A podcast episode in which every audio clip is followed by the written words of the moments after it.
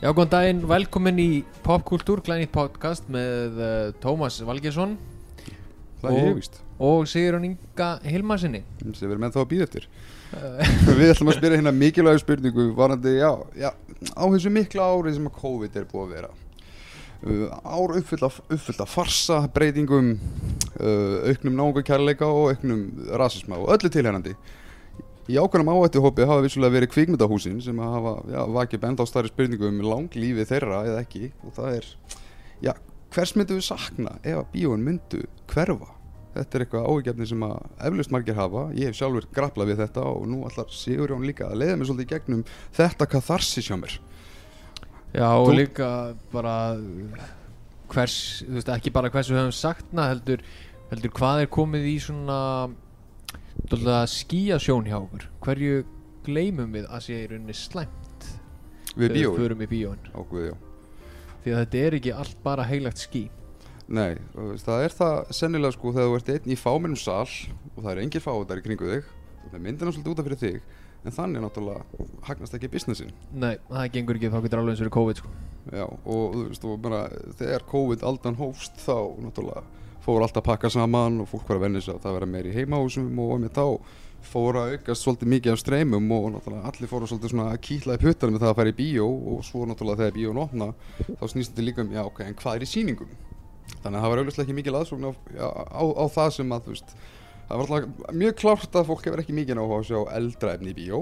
Þannig að- það snýst ekki lengur bara um það að sjá, skilur, matmax bara í, í sem, á sem stæsta skjá á þessu landi til dæmis og í bestu gæðum.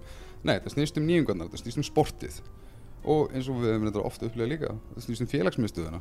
Já, klála Svo er náttúrulega líka spurningin sko uh, eins og með gömlu myndunar hvort að það sé áhættunar virði í rauninni að fara og sjá ykkur gamla mynd sem þú hefur séð þegar það er COVID Já, sko, ok, ánar hún nefndi þetta með áhættuna virði ok, sko, þetta með að, nú, núna erum við ennþá í svo litli búbli hérna á Íslandi þar sem að já, þú veist, já, ef- til dæmis, já, bara ég kíkt á stjörnutorkum daginn og þú veist, að ef þú ferð þangað í hátteginu þar sem að mennskjælingarnir eru komnir í hlýi það er ekki vottur að því hafi náttúrulega verið COVID á þessu ári til að byrja með, svo ertu að kíkja á Twitter og skoða hérna allar þessar fæsla sem menn eru bara ég þóri alltaf að fara út í, í apotek af öllum stöðum til án þess að, þú veist, að hafa ágjörðu af, af lífi mínu og þess að veist, en við erum ekki alveg með þetta lengur. Eða hvernig upplifið þú þetta?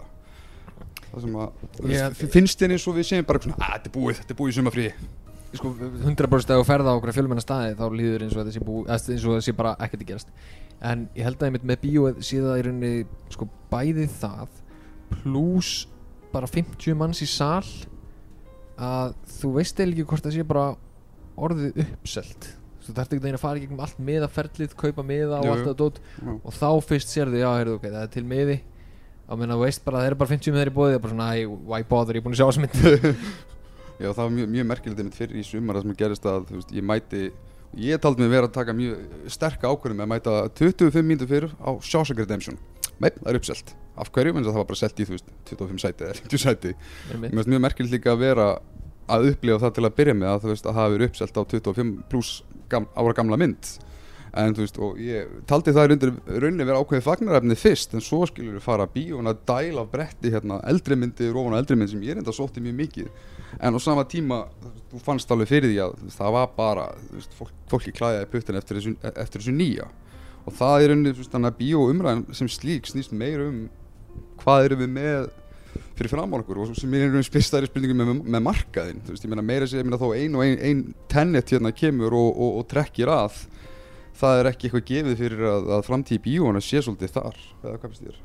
Nei, ég held að þetta sé ekki bara eitthvað stórt release á nokkra mánuða fresti, sko, ekki sjens Ég meina, þú veist, næsta mynd sem við höfum er bara Bond sem mitt eftir í hug og það er November Já, þú veist, við erum með hérna inn á milli við fáum hérna okkar Wonder Woman og, og Black Widow en, en þú veist, því er það þó ekki rauninni bara að þetta endi í það, já, er ekki bara Disney og Sony að fara að kaupa keðjurnar? Einhver stór út í bandaríkjanum er til, þú veist, ég, hvað tvö kveikmyndóð sem sína bara Netflix myndir veist, ég, ég einhvern veginn sé fyrir mér að í myrkari tímalínu ef þetta heldur áfram veist, til, til mikill að lengdar að þetta verður svolítið þannig. Þú ferð bara í Disney bíó, hann er Disney myndar svo ferði hérna hingað og, og, það er ekki til neitt lengur sem að sem, sem að kallar eftir þessum miðlungsmyndum sem að kallar, þetta er allt bara að koma á streymi Þú lappar inn í, í Disney húsið og miðasalagæðin er í einhverju mikka búsbúning Halló! það er ekki, það er ekki framtíð sem ég vil sjá Nei, líka sko og veitu, já, það var í fyrra það sem að Disney keipti Fox var það ekki, sem Jú. er náttúrulega ba ekki bara er þetta slá niður enn meiri samkeppni heldur, mér fannst þetta, það sem ég fannst að grillaðast í heimi við þetta er að skilja hérna Disney veist, nýbúin, ok ekki nýbúin en ég meina tiltúlega ný, nýbúin að regnast þarna 2010 minni mig það var að veist, þeir kaupa Marvel svo kaupa þeir Star Wars þeir eru konið með þetta til beltið sitt svo núna 20th Century Fox sem er, þeir sem er enginn djókur. Og ég meina í fyrsta lagi þeir vildi náttúrulega eiga rétti væntalega á gömlu Star Wars myndunum en eitt af því fyrsta sem ég síðan tilkynnt í kjölfari á er endur gerða Home Alone. Heru, að þeir ætla bara að taka katalógin og bara fokkið ykkur. Já. og það sem ég fannst finnast við þetta allt saman er að eina af mínum uppáhaldsmyndum ever er Fox-mynd. Og hún gengur sérstaklega út á það að svona uppræta ja, kapitalisman og svona æðri mannin fyrir það sem hann er og það er Fight Club. Já, þannig að Fight Club er svolítið dottin í sin eigin parodíu með það að corporate gigið er eiginlega búið að eigna sér bókstælega brennimerkja Tyler Durden. Og þetta er þe- þetta finnst mér bara einstakt einstakt dæmi. Og ég meina að þú veist Disney fór síðan að stað með sína eigin streymisvitu sem að þú veist náttúrulega er mikið umræðan núna sérstaklega sem við fáum loksins svona löglega að fá forsmekka af henni. Og þeir tóku stóran séns fyrra árinu með að segja bara herri við tökum ekki þátt í þessu bulli bara beint á streymi með Mulan 200 pluss miljón dólar mynd alveg vel yfir 100 miljónir í marketing. Þeir eru ekki fara að fá þetta tilbaka á innan við ári. Ekki séns. Og, veist, og það er greinilega búið að setja svolítið í húf þetta sem að beindi aðtiklina að uh, opnuna helginni. Venjulega voru þessi bíóhús bara ok, heyrðu, hvernig er myndin að opna? Oh shit, ok, þetta þýðir bara það að hún er að fara að droppa meira og meira og meira og meira. Það er ekki tilnýtt í bíó í dag sem að heita leggir í aðsókn. Þannig var það eins og áður Meina, þegar Titanic kom út á sín tíma það var ekki bara svona, ok, stæstu opnin í heimi 200 miljónir, bara allt uppselt. Nei, hún, hún hafði leggi, hún spurðist út fólk fór á hún aftur og aftur og hún var líka sínd í, þú veist, ár. Emitt og þetta var eitthvað sem að var mjög reglulegt hérna, bara hérna áður fyrir og ég man að það var eins og svo víður uh, póll á milli þess að myndi bara í, í kvikmyndósum svo var þetta þægilega auða bil til að skapa spennun aftur. Ú, svo kemur hún út af vídeo en svo finnst mér einhvern veginn eins og stúdíu hafi hlupið á sig með því að vera bara eitthvað, heyrðu, Captain America verið í bíó hérna bara í síðasta mánu, heyrðu, hún er að koma út innan núna, skilju, svo bara, komið ólöglega einhvern tímann fyrir, það er engin bríður, það er ekkert byð Nei, það var í rauninni bara, þú veist, bíó Svo kom hún ólögulega Og svo kom hún út á, þú veist Vídeolegu eða, eða whatever Og þá voru hvort þeir allir búin að sjá hana. Já. Þeir sem hefðu hvort þeir, þeir sem hefðu leikt hana Þeir eru búin að downloada henni Já, Þannig að þú veist, það er bara farið.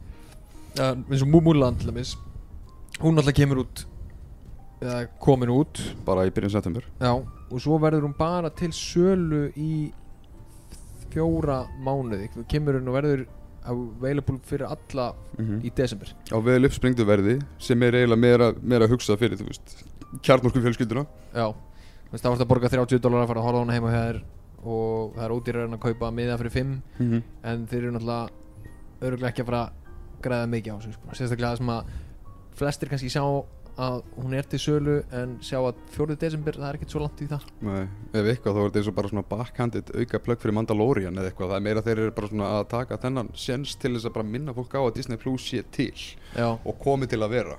Og ef að Black Widow myndi falla í sama farveg já í fyrsta lagi er það ekki bara slæmt upp að það að gera það fyrsta sem að Disney gerir er bara púli myndir með, með, með sterkum kvennkarakterum gerða fyrir 200 pluss miljónir það setur ekki rosalega slæma, slæma ímynd, nei góð ímynd segi en meina, á móti kemur að þeir eru greinlega svolítið svona meira að við veitum ekki hvort þetta tellist að hugsa til framtíðarinnar en þeir eru allavega að svolítið svona íta á bremsunar á meðan skilur svo ertu með hinum en ertu með Warner og bókstallega Warner að segja herðu, við, við viljum gefa hérna tennit út á bóti en Kristoffer Nolan er hérna með byssuna við baki á okkur og hann vil hérna bara, það er bara IMAX ekki neitt maður. Og hérna, Kristofur Nólan sagðist alltaf að koma heim til ykkar allra ef þið horfið á hann í síman vekkar þannig að við verðum að gefa hann út. Ég, ég líka sko, ok, sem er pínu klár business ákvörðun líka fyrir það sem að enginn ræðir sem er einfallega downloadið. Það er alveg sama hversu exclusive hérna, hvað sem er aðgengi eða svona availability á mynd til dæmis eins og Múlan þessi mynd er að fara að vera rippuð á innan við mínútu frá því hún er gefin út. Og mér finnst þetta aldrei nefnt. Og, og, og meiri sé að þegar rætt var um það að Tenet kem í bíó í Evrópu vika og undan bandaríkjunum þá komum strax umræður um uh, hérna, pærasíð eins eins og það sé allt í orðin rosalega stór opn fyrir þetta dæmi bara, "Æ, með- allt og margir bandaríkjumenn eru bara að fara að horfa einhverja ljóta kam útgáfa af henni en, en, þú veist, en hvað er þessi umræða þegar þeir eru að taka samstilt release hún verður á votinu en hún verður líka í bíó en raunin er svo að þeir sem eru vanir já, sínum downloadum og sínum torrentum og eru svolítið svona, já, ekkert beint það sem kallast góðið samvirar þegar kemur að því að vera góðið neytandi þá er þetta bara já, þetta er bara, hvað er á bóðstólnum hvað get ég fengið og hvernig get ég fengið það Mhm. það er bara, það er alltaf að tapa markaður sko. En hérna eins og með Tenet til dæmis veist, það er alveg sterkur leikur hjá Warner að gera þetta upp á það að þeir eru að segja við trúum en þá bíóin.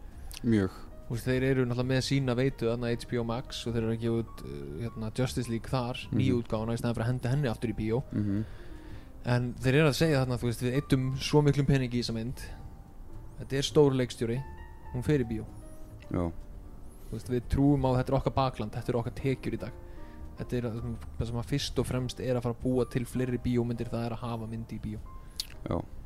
En, en veist, er þetta þá ekki það bara þá að, að gefa tónin fyrir það eiginlega eina sem að innan gæsalaba á rétt á sér að fara í bíó þarf það ekki að vera svolítið Grand IMAX? Þarf það ekki að vera, veist, það er alltaf fyrsta lagi er þessu umræði búin að vera í, í sennilega meir en hálfa öld með það, veist, eru bíón að degið ekki? Þegar fyrsta sjónvarpi kom þá bara, eru bíón að degið ekki? eru bíón döið Heyrðu, nú, heyrðu, það sem hún færið í bíó er að kveikmyndarnar eru í lit, Já. ha ha ha Já. Svo kemur sjónvarp bara, heyrðu, lita sjónvarp, máði fokkar Og svo hérna koma bíóin og hvað gera þau? Heyrðu, widescreen, reyðtjald, þetta færið ekki heima hjá þér Og svo skilur við setna meir fæðist James Cameron og hann vil endilega eiga hest í þessum slag Og tekur einmitt þarna bara, eitthvað, heyrðu, ég er hérna að fara, fara að bara sprengja okkur heilan. Og þú veist, og nú er náttúrulega alla líkar því að hann ætlaði að reyna að gera það sama aftur. Er hann að fara að bjarga bíónum? Við á Kristoffer Nolan gata ekki, hvað er James Cameron að fara að selja okkur með með Avatar 2 sem er að fara að segja þetta er það sem þú vilt, þetta verður special. Þannig að þú veist, þetta er þetta, þetta er svona svolítið er, er, erfið spá á þannig leiti en á, sama tíma líka snýst um að já munir núna versus þá er sá að núna er svona, þessi, þessi miðlungsmynd svona myndir eins og fyrst sem þetta er í huga er uh, myndir eins og Gone Girl eða veist, Zodiac. Veist ekki alla Fincher myndir. Svona, svona miðlungsmyndir sem eru gerða fyrir pening en það er ekkert sem að svona æpir já, ég verð að redda badnapí í kvöldmaður skilur, svona fyrir, fyrir hinn almenna neytanda þannig að þú veist en svo kemur hitt vandamálið sem er, þú veist, ef allt er á streymum er ekki vandamál með aðgengi og, og já, katalógun bara svona leitin leitin við enda, endalega í gegnum þetta hvernig, þú veist, ef þú vilt horfa á gamla mynd X sem þú vilt bara horfa á gömlu Bill and Ted hvað ætlar að gera?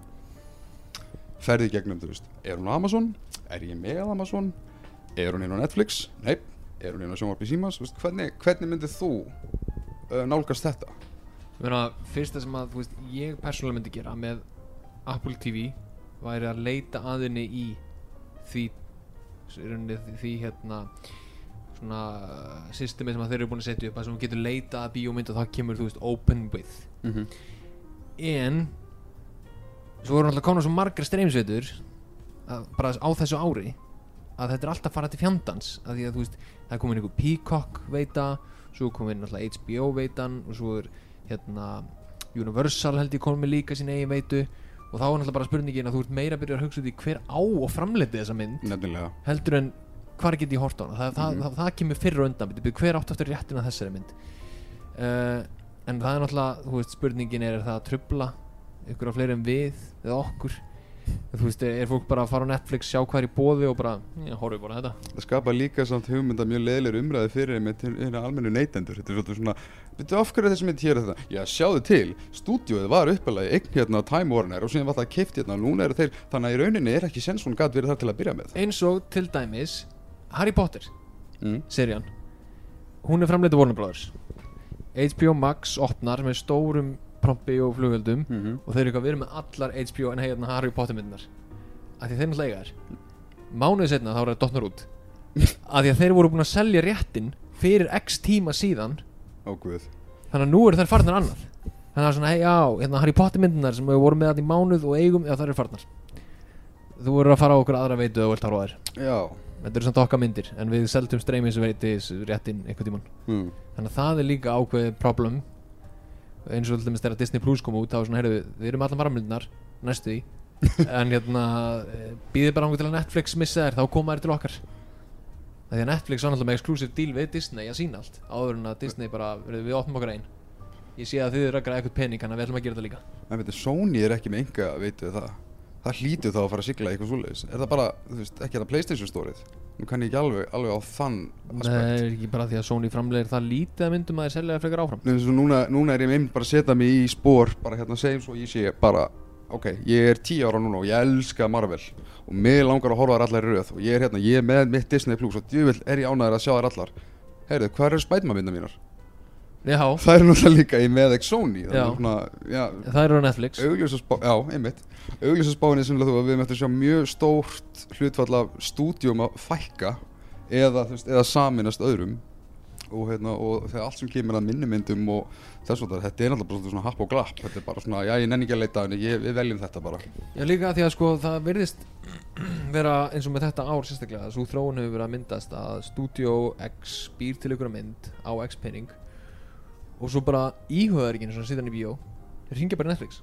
Já, og segja bara, heyrðu, vil ég kaupa hann á 80 miljonir já, bara, já, sure. Og þá kemur hún bara þar. Ég meina Netflix sjálft er ekkert búið að framlega svo marga myndir sko. Nei. En það var að vísu líka sko, maður velti svo fyrir sig betur, hvaðan kem, stu, hvað kemur alltaf þessu peningu frá Netflix, hvernig eiga þeir alltaf bara efna öllu? Þegar í rauninni tekimóduli snýst um að auka áskrifendum og þetta var eitt af sem kom margóft upp þegar já, fyrstu samkomi hemlalindar byrjuðu hérna, með þegar allir fóru að saminast í streymi. Bara já, vákvæði Netflix lítilega stór græðamaður nefnilega ekki. Þeir eru náttúrulega með sínar veist, uh, original, en ekki aðslega bara framleiðslur á öllu. Það þurfti náttúrulega líka að stoppa í tökum og þess og þar og þetta, þetta er dót sem að gefa þeim sérstöðu þannig að, þú veist, þetta, veist, og, þannig að í rauninni voru þeir bara að, í endalusu ringa með sama magna af áskrifundum bara að horfa meira dóti en hvað, hvað voru þeir að taka en auka og núna líka sko er þessi, leiðilega þróun með, með kvikmynda aðsókn þar sem að það er aldrei gefnar af tölur þú veist eins og bara, þú veist það kemur stórmynd eins og bara The Irishman eða eitthvað sem að Netflix á við getum ekki almennilega svona þeir halda þessum spilum rosalega nálægt sér Já. mér. þeir gefa brotirinn top 10 sko. Og eins og með Irishman sem er sko einn dýrasta mynd sem á Netflix er búið til Mhm. hún var ekki í fyrsta seti nei, skiljanlega. En þú veist það var miklu meira bara hérna er ógeðislega mikill peningur gera það sem þú vilt. Og hann gerir nákvæmlega sem hann vildi sem var mjög löng mynd sem ekki allir vilja sjá. Nei og mér er sér sko ef, ef, ef, ef, ég- eh, ef, ef ég man rétt þá var það mér er sér þannig að að kemur einstakar fyrir að Netflix gefur út einhvers konar sundurliðin þar sem þeir voru uh, já, það átt x, mikið, þú- x þúsund manns horfðu hérna, eða hundruð þúsund manns og eða miljónir horfðu á hérna, Irishman uh, 80% af þeim uh, þeir náðu yfir fyrstu 30 mínúnar uh, 20% slögt á en eftir þeir skilja þetta svona, þetta fara að vera meira svona ok og, og líka, já, hversu margtækar eru gefnar tölur, ég er líka verið að skoða hvað er vinsalast bara ever frá þeim og þá eru þeir alltaf með mjög þröngan ramma af viðmiðnar upplýsingum og, veist, og eins og algoritmi segir í rauninni, sko, þetta telst til uh, uh, sæmilegs gláps svo lengi sem þú ert komin yfir ákveðin þröskuld á myndinni, það þarf ekki svona að klára hana, það þarf ekki svona að horfa hana í heilu lægi þetta er bara, en já, þetta er veist, á, það, það er ákveðin þægindi sem að, já, er náttúrulega, þú veist leðilegt að sér yfir frá bíóunum. En, en aftur yfir í gamlu spurninguna sem er, já ef þú fórst á Tenet náttúrulega. Já. var það, var það fyrsta bíóverðin eftir langan tíma? fyrsta bíóferðin árið 2020 Já, ok ekki nema. Ég var bara ekki búinn að fara í bíó allt árið. Ég líka bara hugsaði shit, ég bara er ekki búinn að fara neitt. Mm. af því að það kom eiginlega ekkert út í janúar, februar sem að ég vildi sjá. Mm þannig að ég vanlega bara döðu tími svo kom bara COVID og ég fór ekki neitt. Ég nefndi ekki að fara aftur á Matrix. -hmm. ég nefndi ekki að fara aftur á hérna, Shawshank til dæmis. Það var bara uh, úrvalið af þeim myndum sem voru gamlar voru svona akkurat það sem ég eiginlega ekki ég nefndi ekki fara Harry Potter aftur. Mhm. þannig að ég fór bara á, á Tenet. Og sko svo upplifun var alveg bara mjög næs. Það var það var akkurat svona mynd sem var svona sagt næs að fara í bíó. En hvernig hefði það verið ef það væri gagstætt ef, þú skoðar það með sjálfið ok, veist, þú mannst allt samt alltaf eftir þessari rúllettu. Ok, ég er að fara að minnst með döðlangur að sjá. Ég er svo pepp í þetta. En rúllettan oft snýður sig það hvað þú lendir á einhverjum fá þetta fyrir aftæði hvað þú lendir síðan á. 100% sko, og, 100% og þú veist, ég, ég stundaði rosalega grimt á en ég var að fara á mynd sem ég döðlangar að sjá svo bara gegnum árin þar sem að, þú, veist, þú ferðin í salin, þú sér það hann er alveg orðin vel mættur og þú skannar salin svolítið. Mm. bara svona ok, ok, veitu, hérna er ó, það eru tíu stelpur við, nokkur hérna sem sitja saman ok, skilur við svona þetta er ákveðin ákveðin svona ákveðin stereotypun en ég meina hún, hún, hún ástundur rétt á sér og oftast er það þannig sko ef, þú- hittar okkur sem eru raðkjaftandi við trailerina þá ke- kemur svona inn, inn með sjálfu sér. Ok, ég ætla að gefa múr trailerina með þessu hvernig það er. Oftar en ekki, eða allavega í, í bestu tilfellum þá haldaðu kjafti setna mér en það er ekki sjálf, sjálfsæða hlutur og þú veist og, fyrir líka alltaf eftir hversu hátt er talað sko. jú, það, er, svo það, er, sem. það er key factor. Ef að gæðin við hliðina á þér er talandi til svona það hátt að þú ert með í umræðanum mm þá er það alveg viðbrunapillur en þú ert með í umræðinu, já. Já, það er Já, ég líka sko, svo kemur, svo kemur eiginlega auka optionið sem er að, ok, guð, ég vona þessi mynd sem að hávær til að drekja út hljóðið. Ég er Já. enda lent í því þegar ég fór aftur á Mad Max, það var mjög fyndið, það voru, þú veist, þar voru einhverjir sem hljómaði eins og þau eru aldrei séð myndin áður, sem var mjög cool, en fyrir þetta það þeir auglista bara geta fylgjast með henni, en svo hugsaði ég, ok, myndin er það bombastísk og það er það lítið á döðuspótum að það eiginlega bara drekta út, en ég fann samt alltaf fyrir kliðrið, sko, en þetta var svona, þetta var eiginlega eina leiðin út inn að gæslappa án þess að skipta um sæti, skilur, þannig að þetta er það er þessi rúleita sem, já, sem gleymist oft í samræðinu við bíóin og maður velti fyrir sér og, og hvað myndir fólk líka bara svona almennt segja þú veist, þegar, þú veist, jú, jú, öllum finnst gaman að njóta og upplifa kvikmyndar eins og, eins og á að gera innan gæslappa, þú veist, bara njóta hana stórt, stór skjá, geggi hljóðurás meiri sér, þú veist, færi þetta færi þessa forrétti af trailerum og allt þetta sem að í dag líka við maður fengi nákvæmst bara svona tendast til að vilja svona, æ, ó, ég er búin að sjá þennan, get ekki skipað þetta? Nei, ok. En, en, en svo eru horror upplifundar hver er skip ad takkin nefnilega. Og, og, og, og þannig að þú veist á, á, er einhver, er einhver upplifun sem stendur sjúklega grimt upp úr þínu minni? Menn auðvitað mann maður nánast betur eftir verri upplifunum heldur en hinnum Já, klála, klála þannig að þú veist hvað hva þetta er í hug? Ég man til dæmis eftir því að hafa farið á hérna myndina ECA ef mannst þetta henni. Auðvitað manni þenni, elskana Já, ég nefnilega elskaði hann ekki eftir fyrsta árum mitt af því að ég fór á hana í bíó og ég, sko, ég var á því stað af því að ég vissi alveg hvað ég var að fara hvað átti sér stað á áttasýningum. Þannig að ég stundaði svona það var þetta smára bíó. Já, ég stundaði svona sex sýningar. Mm -hmm. en svo í þessu tilfelli þá lendi ég bara á einhverju skítleðilegu pakki fyrir aftan mig sem voru reyndar bara einhverjar táningsstelpur á, þú veist, svona eiginlega táningsstelp mynd þannig að það er svona bara leiðskil en hérna þær hættu ekki að tala. Og ég var að verða pyrraðari og pyrraðari og pyrraðari og ég var búin að byggja þér um að þegja nokkur sinnum. Eða þú veist eins og að slækka í sér. Og það endaði á því að ég stóð upp snýr mig við og sagði þeim að grjót halda kjafti. En málið er að það hjálpaði mér heldur ekkert. Af því að það setti mig bara í vera skap. Þú veist, ég æsti sjálfa mig ennþá meira upp. Mm -hmm. Sem því það að ég sat þarna með einhverja stelpur frá aftur mig sem þóra ekki að segja orð. Og ég ókslega reyður og betur í sætinu mínu horfandi á okkur mynd og engin brandari var að því mér varst allt ógeðslega pyrrandi og það skemmti 100% fyrir mig upplifuna svo horfði ég á hann aftur heima setna og það var geggjað sko. Já, þannig að þú varst eiginlega svona eftir melta mér á mómentið. Já, Það var svona- basically. En það er mjög sko hlýttu þér sko. Fyndi, ég, ég lendi mjög svipuðu En eiginlega sorglegra. Sko, eins og þú veist, þarna, eiginlega hittur á góðan punkt með að þú veist, ei, þetta voru úlingstelpur að horfa úlingstelpu mynd Vildi bara svo til að þær voru ekki vel sjóðar í bara, herðu, bara sest og fylgstu með Bara kurteisi. Uh, Það var, þetta var árið 2007 og ég, var- ég var þrælspenntið fyrir, fyrir tiltekinni söngvamynd og ég elska söngleiki. Það er ekki alveg scenaríu sem þú vilt helst ímynda það sem að þú þarf að vera leiðilegu við einhvern í bíó. Nei, En það, það æxlaðist þarna, það þetta var á myndinni Hairspray. Geggjum mynd Æðislega mynd, guð mig góði, ég Sá hana tvisvar í bíó, elska þessa mynd, alveg í döðlur. En það hefur, það súrnaði rosalega í mér þetta moment þar sem að þú veist ég, Það voru, það var likvið full röð Og það er talað sko heil, bara hérna þver, þver sætaröð Af greinlega sama hópnum veist, Þetta var nánast bara eins og bara ammælisýning Flestir voru mjög stiltir Og ég myndi ekki sko að meðalaldur þeirra hafi verið svona 12 ára Hann- og, og, og, hann samastóð á stelpum og bara eitt strákur sem, sem satt beint fyrir fram mig hann var aðeins svo cool fyrir þetta. Var svo cool fyrir söngleikin og var einhvern veginn bara svolítið svona eiginlega svolítið í því að bara segja blandara og kalla upp átt og ef eitthvað, þú veist, ef eins og eitthvað fyndi moment kom hann var bara svona ha ha ha eitthvað svona einhvern veginn. Vildi svolítið vera sniður vildi svolítið vera svolítið svona ég er aðeins, ég er yfir þessari mynd hafin bara svo að vita, hérna, kæru vinkonur. Er, og heyrðu, ég vil bara, fyrsta lagi, bara, þú veist, þú byrjar að Good Morning Baltimore. Ég vil bara, hérna, syngja með í hausnum á mér, sko, og hérna, og ekki hafa, hérna, einhvern, einhvern, einhvern bavíana kommentari yfir myndina þannig, að, hérna, þú veist, ég gef honum viðvörun, bara eitthvað svona, heyrðu, hérna, byrjar því að taka, hérna, taka uh, dannaða pakkan, bara, heyrðu, hérna Það er svolítið að trubla en það væri til ég að veist, hafa miklu læra eða bara þegja.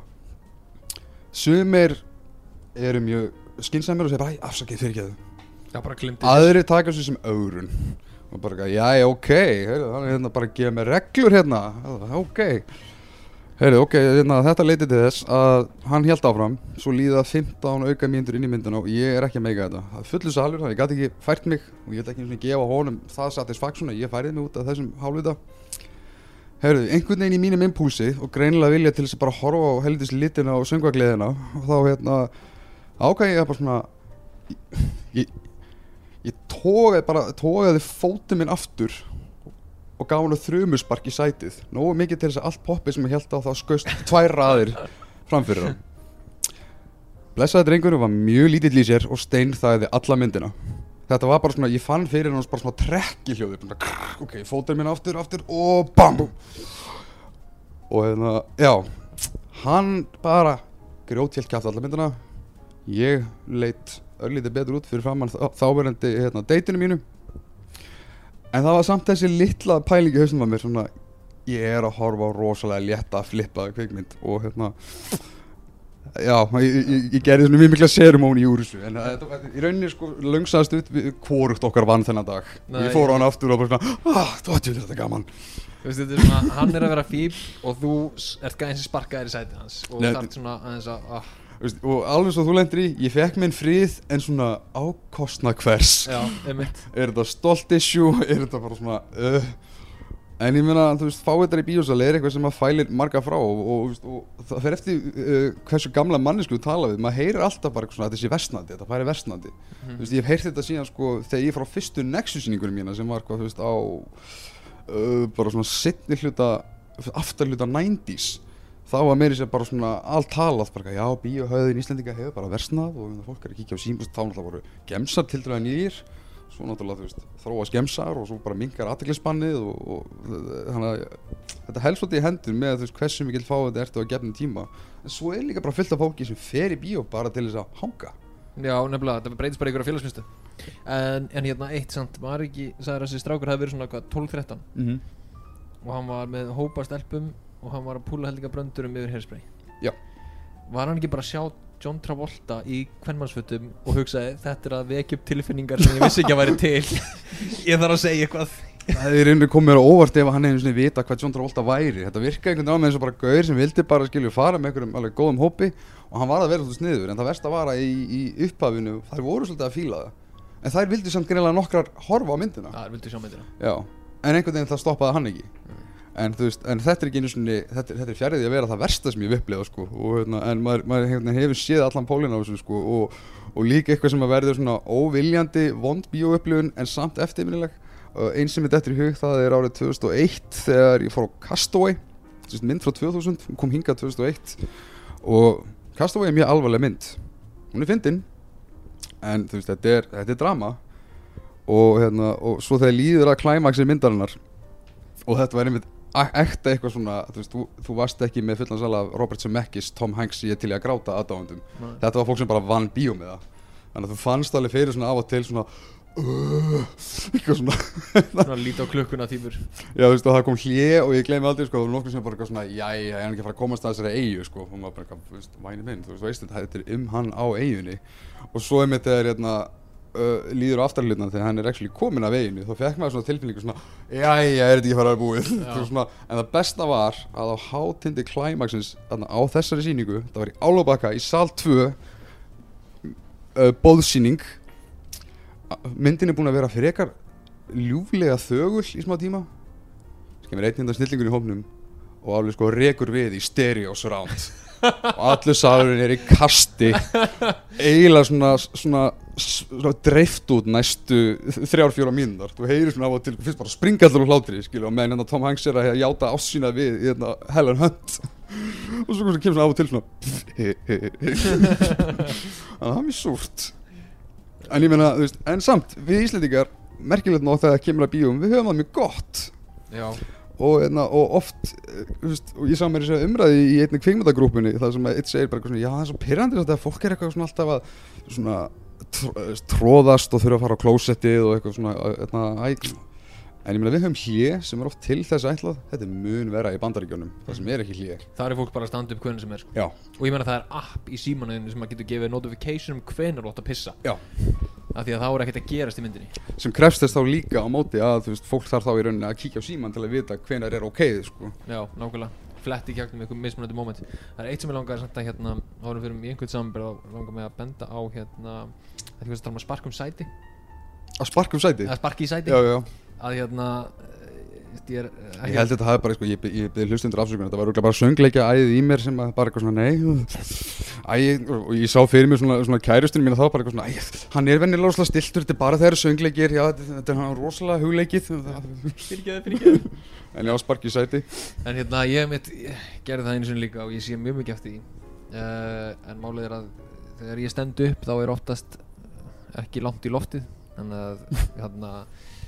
er að þegar ég stend upp þá er oftast ekki langt í loftið Þannig að hérna, sæti fyrir fram mig á þeim tíma áður en öllum sölum var breytt. Ef þú hallar þér of grimt aftur á bak þá fóst í nýjan á mér. Já, og það er ekki þægilegt. Og ég var búinn að vera á okkur mynd, ég man ekkert hvað það var. Og sætið var alltaf svona að skellast í mig.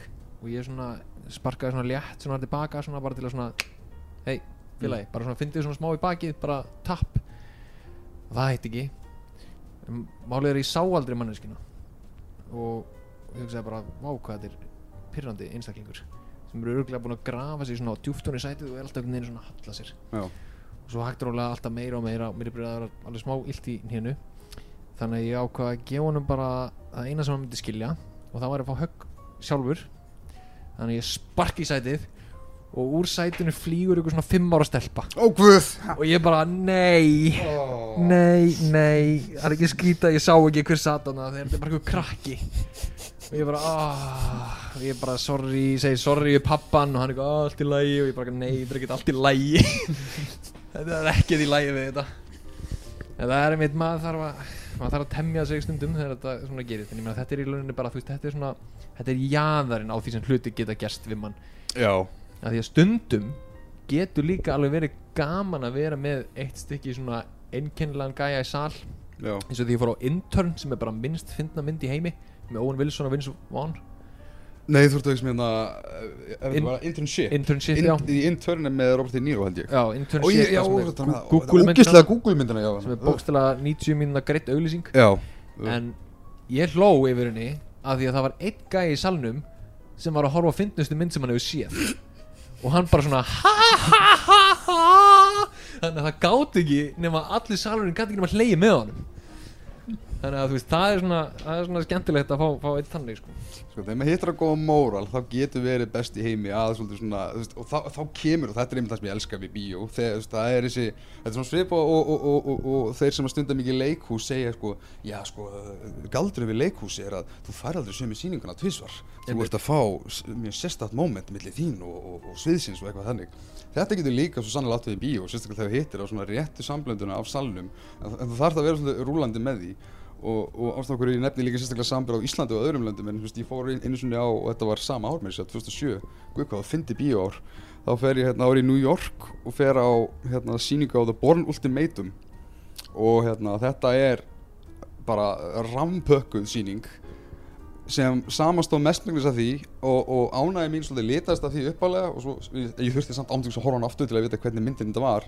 En þarna varstu með sko mesta stereotypuna af þeim því miður haugur á blökkum fólki að öskra á myndina bara nei ekki fara þannig ó guð, hann er að fara að elta þig eitthvað svona, einmitt. bara nákvæmlega allt sem þú sást gert grín að því skeri múi í fyrstu myndinni þetta er bara svona en og venjulega myndi ég hugsa ó guð, en út af því að allur salunum var með og þá varst þú orðin frávikið og Já. það væri bara svona já ég skil, ok, þetta er svolítið bara stemmingin já, Já. ég- ok, ég joina bara, skilur. Bara svona fuck it maður þú og, veist. og, og endanum var ég örgulega farin að taka, taka þátt í því, sko, bara, oh shit, hann er að fara að klessa þig núna maður. Eitthvað svona, það er verið að fara að buffa þig. Oh, Car chase í New York, það er aldrei að fara að gerast en ok, það er mitt sko gaman að skulle nefna það því að það virðist vera meira í að því ég er með, ég er með tværi mitt sögur af því þegar ég fór í bíóbrandaríkjunum og tvær tölvört mismunandi upplöðunir um, ein er mitt það sem ég fór á kvikmyndi með Marshall með Chadwick Boseman. Já, sem er, er til miðun í látin uh, en hann var að leika lögfræðing, svartan lögfræðing sem að gerði mjög mikið fyrir uh, menningu svartara í bandaríkjunum og enda á því að skrifa hellinga af einhverjum lögum sem að því miður er ekki nú upplýstur um til að segja frá að því að myndin snerist eiginlega ekki um það hún snerist um þegar hann var að byrja þessu lögfræðingur. Mhm. og þetta í New York og ég fór á myndina og ég var í alvörunni talað held ég eini hvíti maðurinn í salnum. Mm. þú veist, allt í lagi með það. Ég setti bara niður og ég bara ok, ég er greinilega að horfa á okkur svona þú veist, Black History mynd.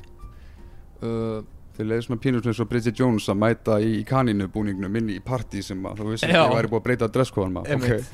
og ég er svona ok, hérna let's go. Uh, en svo náttúrulega byrja þau alltaf að fagna yfir öllu þegar hann svona you got lawyered. Þá eru þau bara yeah, you show him. Og ég bara ok ok, þetta er aðteglisvert en svo bara stigmagnast þetta meira og meira og meira og í hvert skil sem hann er eitthvað svona þú veist lawyered við allt hitt hvíta fólkið sem er náttúrulega sjálfsögðu í þú veist valdastöðunni í myndinni þá eru þau sko þau eru klappandi og þú stappandi og bara og ég hugsaði bara þú veist eru allar sýningar svona? Af því að þetta er alveg upplöfun en ég tek frekar bíó á Íslandi. Og svo er annað dæmi þar sem ég var bara á mjög bara svona þú veist bandarískri sýningum mjög kultúral hópur allir frá öllum löndum og, og svona þannig að það var aðeins minna um svona öskuralæti uh, en meira um það að allir í kringum mig voru að tróða mat upp í kjaftin á sér. Mm. þú veist, gæði með hliðin á mér kom með eitthvað svona 24 pack af kjúklingavangjum og svo byrjaði Venom og hann byrjaði bara að tróða í andlita á sér kjúklingavangjum og ég heyri bara svona Það byrjaði að venna myndin eða byrjaði að venna Venom- Venom myndin. Já, já, ok þannig að þú veist fyrst er hann að geta alla kjúklingavangina og svo fyrir Venom að geta allt fólkið og þetta allt einhvern veginn svona blandast í eitt óþægilegt moment Vá, vá. Þetta, minnir mér nákvæmlega hérna, það er bara, það er kjarn bara absolutt speklun í þessari sögu og það sem að góð vinni mér sagði mér eins og frá því hann fór á Passion of the Christ það maður við hliðan sem var bara raðétandi Já, því að það, þú veist, það er bara veitingasala. Þú getur bara að fara þarna og þú bara pantaði kvöldmatt Já, þetta var eitthvað í Íslandi sko. Já, ok, vá, það, það er alveg þetta verra. Að við sést með, þú veist, þetta Já, já ég, ég er nefnilega aldrei prófað þetta. Því Þetta var eitthvað, þú veist, Cinemax eða Cineplex eða eitthvað og það er bara veitingasala fram þú getur bara pantaði pizzur eða vangi eða hambúrgara eða whatever og meina, bara já, svo náttúrulega líka Alamo Drafthouse hérna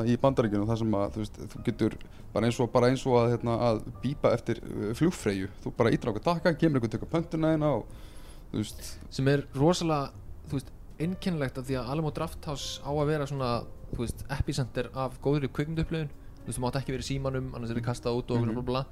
En menningin í bandaríkjunum á dæmis eins og Íslandi er einmitt þetta að þú getur bara kallað eftir þjónustumannesku inn í kvikmyndina. Já, hún bara kemur inn og bara can I take your order sir? Já.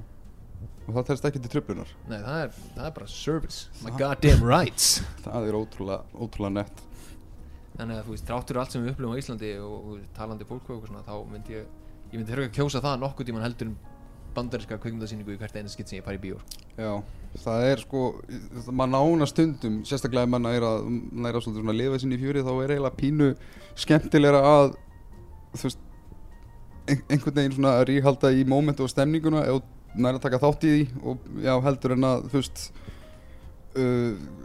sem bara upplifa þeir gagstæða sko að, að bara sitja og njóta myndarinnar nánast sko. En ég meina einhver leita vegna samt er líka hægt að fá uh, hvort tveggja og þú veist þú veist tala um sko að klappa og stappa að, veist, stundum fer þetta í taugarnar á mér. Þú veist ég meina það sem að þú veist þú ert á kannski svona einhver svona veist, ég vil ekki segja Uber nördasýningum en það kemur fyrir þú veist við höfum öll verið á sýningum þar sem að það er eitt lítill engabrandari sagður og það hlæja allir eins og þeir hafi einu fattat brandarann í salnum. Já og hérna og líka eins og hérna svona nördasýningar á Marvel myndum þar sem að þú allt í einu einu augnabliki heyrur alla kvísla þetta var Stan Lee. Bara já það vita það allir.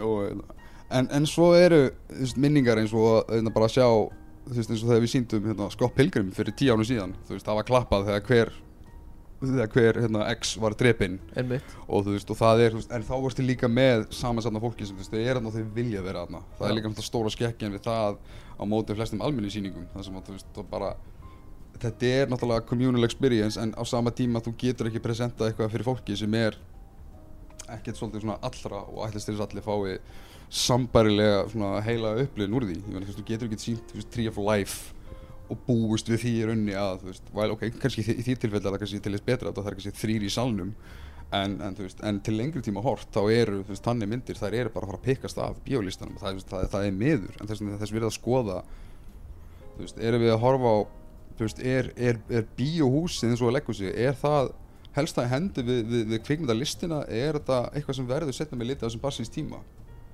Alveg svo með, þú veist, ég meina vídeolegur þú veist, ég og ég, ég fórhundina við það eins og með þegar, þegar hópar sapna saman er það þetta sama dæmi og var alltaf hérna, þegar maður var yngri að, þú veist, fólk fór á vídeoleguna og vídeoleguna var svolítið, það var svolítið, svolítið latöf já, svona sjoppan já, svona sjoppan en, chilla í sjoppunni. En kannski er maður bara að horfa á eitthvað sem var í rauninni rosalega problematik með rósaröðum glerugum sko, en þú veist, ég mann það fór ofta alveg heil í kvöldin í það að velja bara myndina. Eða þú varst kannski fjóri, fimm saman. Já. að finna eitthvað sem allir voru sammála um, þetta tók lengri tíma heldur en fokki myndin. Já, og svo horfði enginn á myndina. Já, en að skipa í já, já.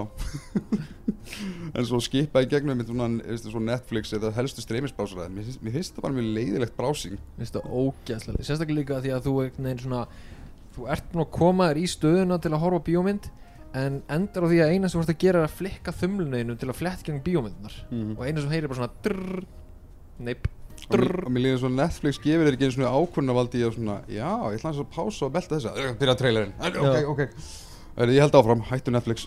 Einmitt, bara please ekki bombarda með upplýsingum. En hvað hefur Disney Plus sem er, sem ber, ber að fagna? Þeir náttúrulega kiftu Hamilton þeir áttu Hamilton samt fyrir, þeir allir sinna henni í bíó. Það er bara enn eitt monopoli hjá Disney eins og leggur sig, er við erum alveg að tala bara eins og, veist, hvað hefur Disney Plus? Framumburðið aðra? Já, Það er náttúrulega Þeir eru með bestu gæðin. Þeir eru með 4K, það er rétt. Já, þeir eru með 4K, Dolby Vision, Dolby Atmos. Þannig að þú ert með alvöru setup heima hjá þér þá hérna, nærða full nýta með Disney Plus. Á meðan HBO til með sínir en þá bara í 1080p sem er alltaf galið. En hérna en ég meina eins og á Disney Plus þetta er náttúrulega bara fyrst og fremst fjölskyldu streyma fyrir fólk með börn Já. og, og börnin sjálf. Um, og þú veist þá er náttúrulega bara spurningin eins og er eitthvað þegar þetta kemur til Íslands verður eitthvað þessu þýtt? Verður Íslands tungumál á þessu já, af því að ef það er ekki Íslands tungumál þarna, þá ertu bara bæta sko gasi á eldin á því sem að kallast að drepa íslenska tungu. Það er ekki nóg með það að börnin séu byrjuð að horfa á svo mikið YouTube að þeir læra ennsku nánast undan íslensku heldur að koma heila streymisveitu sem bara með barnamyndir og allt á ennsku eða þú ættir að flippa og getur skiptið á spænsku. Það, það er líka búið já. En það er engin íslenska þannig allavega ekki á bandariska Já, en svo eins og þú veist, ef maður tekur streymi á móti eins og, eins og physical media, þú veist, eins og núna er bara, flestir eins og leggja sér sko, eru búin að vera bara að losa sig við DFD og Blu-ray, mestmengnis bara, já, fyrsta lagi bara, þú veist, ég veit ekki, pláss umhverfisvætna að ekki vera með, samansatna af, af smetli hulsturum og, og hvað eina, sko, en, en svo höfum við líka að hugsa hvað maður er að tapa á móti, sem er, veist, við höfum allir fílað það að vera með góða sappakka eða, eða sarp af aukaefni og hvað er gert í dag? Er það, það bara, þú veist, bara að fara á YouTube þá sér þessu heimildum þar eða þú veist, það er ekki nógu mikið finnst mér frambóð að heyrðu, ok, hér sé ég hérna eina bíómynd á Netflix ok, ú, við ætlum til að fylgja hérna fullt af aukaefni sem er mjög sjálfgefni með sé actually Netflix eign og þú veist, það væri gaman að geta verið með aftur meira hérna, frambóð af hljóðarásum og meðal hans kommentir og þannig fyrir þannig perra sem að fíla svo leiðis. Og þá minn ég á góð orð Steven Soderbergh sem sagði að þú getur lært meira á, kvikmyndagerð bara með því að lusta á eitt kommentir í frekar heldur en einn önn í kvikmyndaskóla eða viss hvað varst að fara út í. Einmitt, nákvæmlega. En það er hérna eins og með Disney þá er þeir náttúrulega sem betur fyrr eh, eiginlega búin að taka þetta svo langt í sambandi við Disney Plusið. Þetta á bara að vera staðan til að horfa á bíómyndunar að þeir eru byrjað að bæta inn special features og, og extras og svona eins og sért þá, en þá gefur það kannski bara fínt tónin Já, en náttúrulega aðalmálið er að veist, þetta er að drepa ákveðin jaðar hóp sem vill fá bestu gæðin alltaf. Að því að streymisveitan er ekki gefa nema helmingin af því sem ert að fá á 4K plúridisk ég meni, ég veit ekki hvort þetta sé vandamál fyrir þannig séð sko einhvern á eins og Íslandi að ég held að sko aðsóknin að þessu efni sé svo ótrúlega lítil. En raunin er bara svo að þegar þú ert að nota efnisveitu þá ert að fá helmingina myndgæðanum og vanlega eitt fjórða af hljóðgæðanum þannig að þó að Disney sé að gefa þér rauninni mjög góð gæði með aðra streymisveitur og, og þú munir downloada um 7 GB á klukkutíma með að horfa á bíómynd þá ertu samt að reyna að taka sko 80 GB fæl og setja hann í 14 þannig að þú veist eins og eins og James Cameron gaf það út að hann ætla ekki að gefa út fleiri 4K plúridiska það verður bara á streymisveitu og ég menna eins og hljóðfælanir sem eru á diskonum hjá honum og mynd hérna gæðin sem eru á því. Já, það er náttúrulega bara horfið basically ef þetta heldur svona áfram. Já, en aftur á móti þá náttúrulega eins og segja það ég veit ekki hvort þetta sé eitthvað vandamál þannig séð ég menna ég er með mjög, mjög gott setup og ég nenn ekki að kaupa þessa diska. Það er bara þannig. Já. Þú veist, ég meina, hver er kiftur í senast Blu-ray disk? Það er út í það að farið. Ja, mitt bara mörg ár síðan. Mm. fyrst og fremst af því að ég nenni ekki að vera ég, sko, aðalmáli er ég nenni ekki að skipta um disk. Já, það er, ég nenni ekki að standa upp og vera að skipta um diska. Og í öðru lagi þeir taka pláss. Þegar þeir eru komnir í mikið magn þá taka þeir bara ógst mikið pláss og þessi bláu hulstur eru ógeðslega ljót. Þú ert ekkert að fara að segja eitthvað, já, bláu hulstur mín passa svo vel við hérna þennan speil eða þennan skáp sem ég er með, nei að mín kaup fóru alveg dramatíst minkandi eftir að það fóru að vera mjög áberandi að bara áberandi minni vinna var lögð í hérna, eigugildið. Þú veist, ég meina, miklu, sko, bara Blu-ray myndi ég segja bara upp, upp til hópa er verra heldur en var, var farið með TFT-formatið ekki hvað myndið að hljóðgæði var það heldur í rauninni bara svona, já, það er sapgildið og einhvern veginn svona notagildið ofan á það þú varst með sér, veist, eins minniskjúl og þetta er en veist, þetta samt þetta telur, veist, þú varst með sér hannaða menjúa og þú varst með mjög, mjög mikla vinnu lagða í aukaefni og hvað annað sem að, sem að bauðst. Meðal Blu-ray diskur í dag, þetta er yfirleitt bara stilla fær alltaf sama krapp frat menjúin velur hérna sama, fær sömu trailersúpuna sem þú getur ekki spólað yfir það er sérstaklega sér til þess og ofan á það er ég eiginlega bara systematiklega mótið því að uh, já, stórið sem eins og Sony eru bara með enga á heilu formati. Já, það líka bara sýnir það að veist, eitthvað sem kem, snýr ekki að þeirra vörum eins og hefur gerst með árunum þeim er bara drullu sama. Já klálega, ég menna líka eins og nefnir þú veist að það sé ekki neitt menjú ég var að horfa á blúri myndum daginn Dark Knight með þess að og myndin bara byrjaði. Og það var ekkert menjú og ég ætla að stilla fyrst ég ætla að aðtöku hvort það verði ekki örugglega kveikt á surround dæminu og eitthvað svona dót. Myndin bara byrjaði og ég fór í menjú en menjúið poppaði bara veginn svona upp og myndin helt áfram. Þannig að ég þurfti að stilla hlutina á var að horfa á myndina. Já, já, þannig að þú veist ég er alveg pró streymisveitur svo lengi sem það endi ekki í 300 stykkjum og maður er alltaf inn að byrja að borga 30 skallar mánuði fyrir þetta eins og Cable var. Streymisveitunar eru basically að breytast bara í áskrifta veitur eins og bara vera með stöð 2 allt saman eitthvað sem er 20 skallar mánuði. Hvað heldur þú að þurfi til þess að, að, að fólk fara að flikkjast í bíó aftur? Það verður náttúrulega óneitalega þannig þegar Bond kemur en, veist, en þá er að tala um sko, það er nánast fara, fara samt að vera undatekningin það er undatekning ef að það eru margir að, að flikkjast á sömu mynd og meira segja, finnst mér í samingi mála meira segja með tilliti til þess að augljóslega var Tenet að fara að græða miklu minna og hala miklu minna yfir lengri tíma heldur en, heldur en búast að við þá er samt ekki þessi, þessi þrumufleiks áhugi fyrir myndinu og ég bjóst við.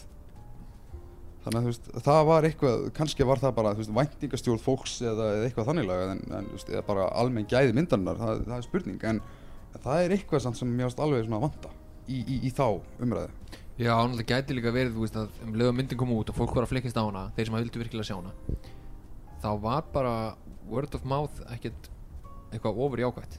Nei, það skiptir svo sem líka máli. Af því að, þú veist, tökum til dæmis Interstellar sem að fekk eða sömu gaggrinni þú veist, um 7 af 10 á hérna, Metacritic og Rotten Tomatoes en fólk dýrkaði hana. Mm. og margir frá hana tvisvar og það hjálpaði en hérna er Tenet að fá sömu dóma og fólk er bara mjög sammálaði það er bara, já, þetta er bara svona 7 af 10 mynd.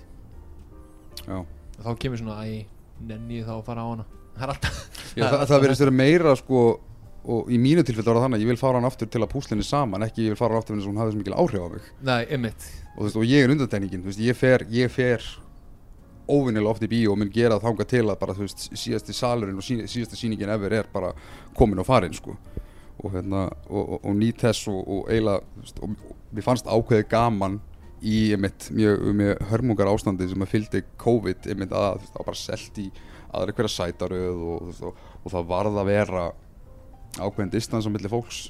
Mér finnst það, það þægilegt vegna þess að veist þá líka það garantera svolítið þannig að þú varst gast komandi til að njóta einmitt, en svo er mitt upplýðið þið þveru auga mitt á frumsningadag tennita sem allir breytist í villidýrin aftur og enginn kunna verið röð og allir að tróðast inn já, þannig að þetta er já, það verður- gaman að sjá hvernig, hvernig þetta þróast og hvað aðri hafið með að segja. Já, ég held að það sem við þurfum bara í raun og veru er að fá allar þessar stórmyndir sem við erum öll búin að býða eftir í þjættu útgáðskipulagi þú veist þá bara veist, eina eða tvær á mánuði í tímabil marga mánuði í röð til að sína að bíóið er aftur byrjað ég held Já. að það sé mikilvægast punkturinn. Algjörlega. veist, svona, svona stórt svona we are back baby. Mm Vel sagt. Þá getur næst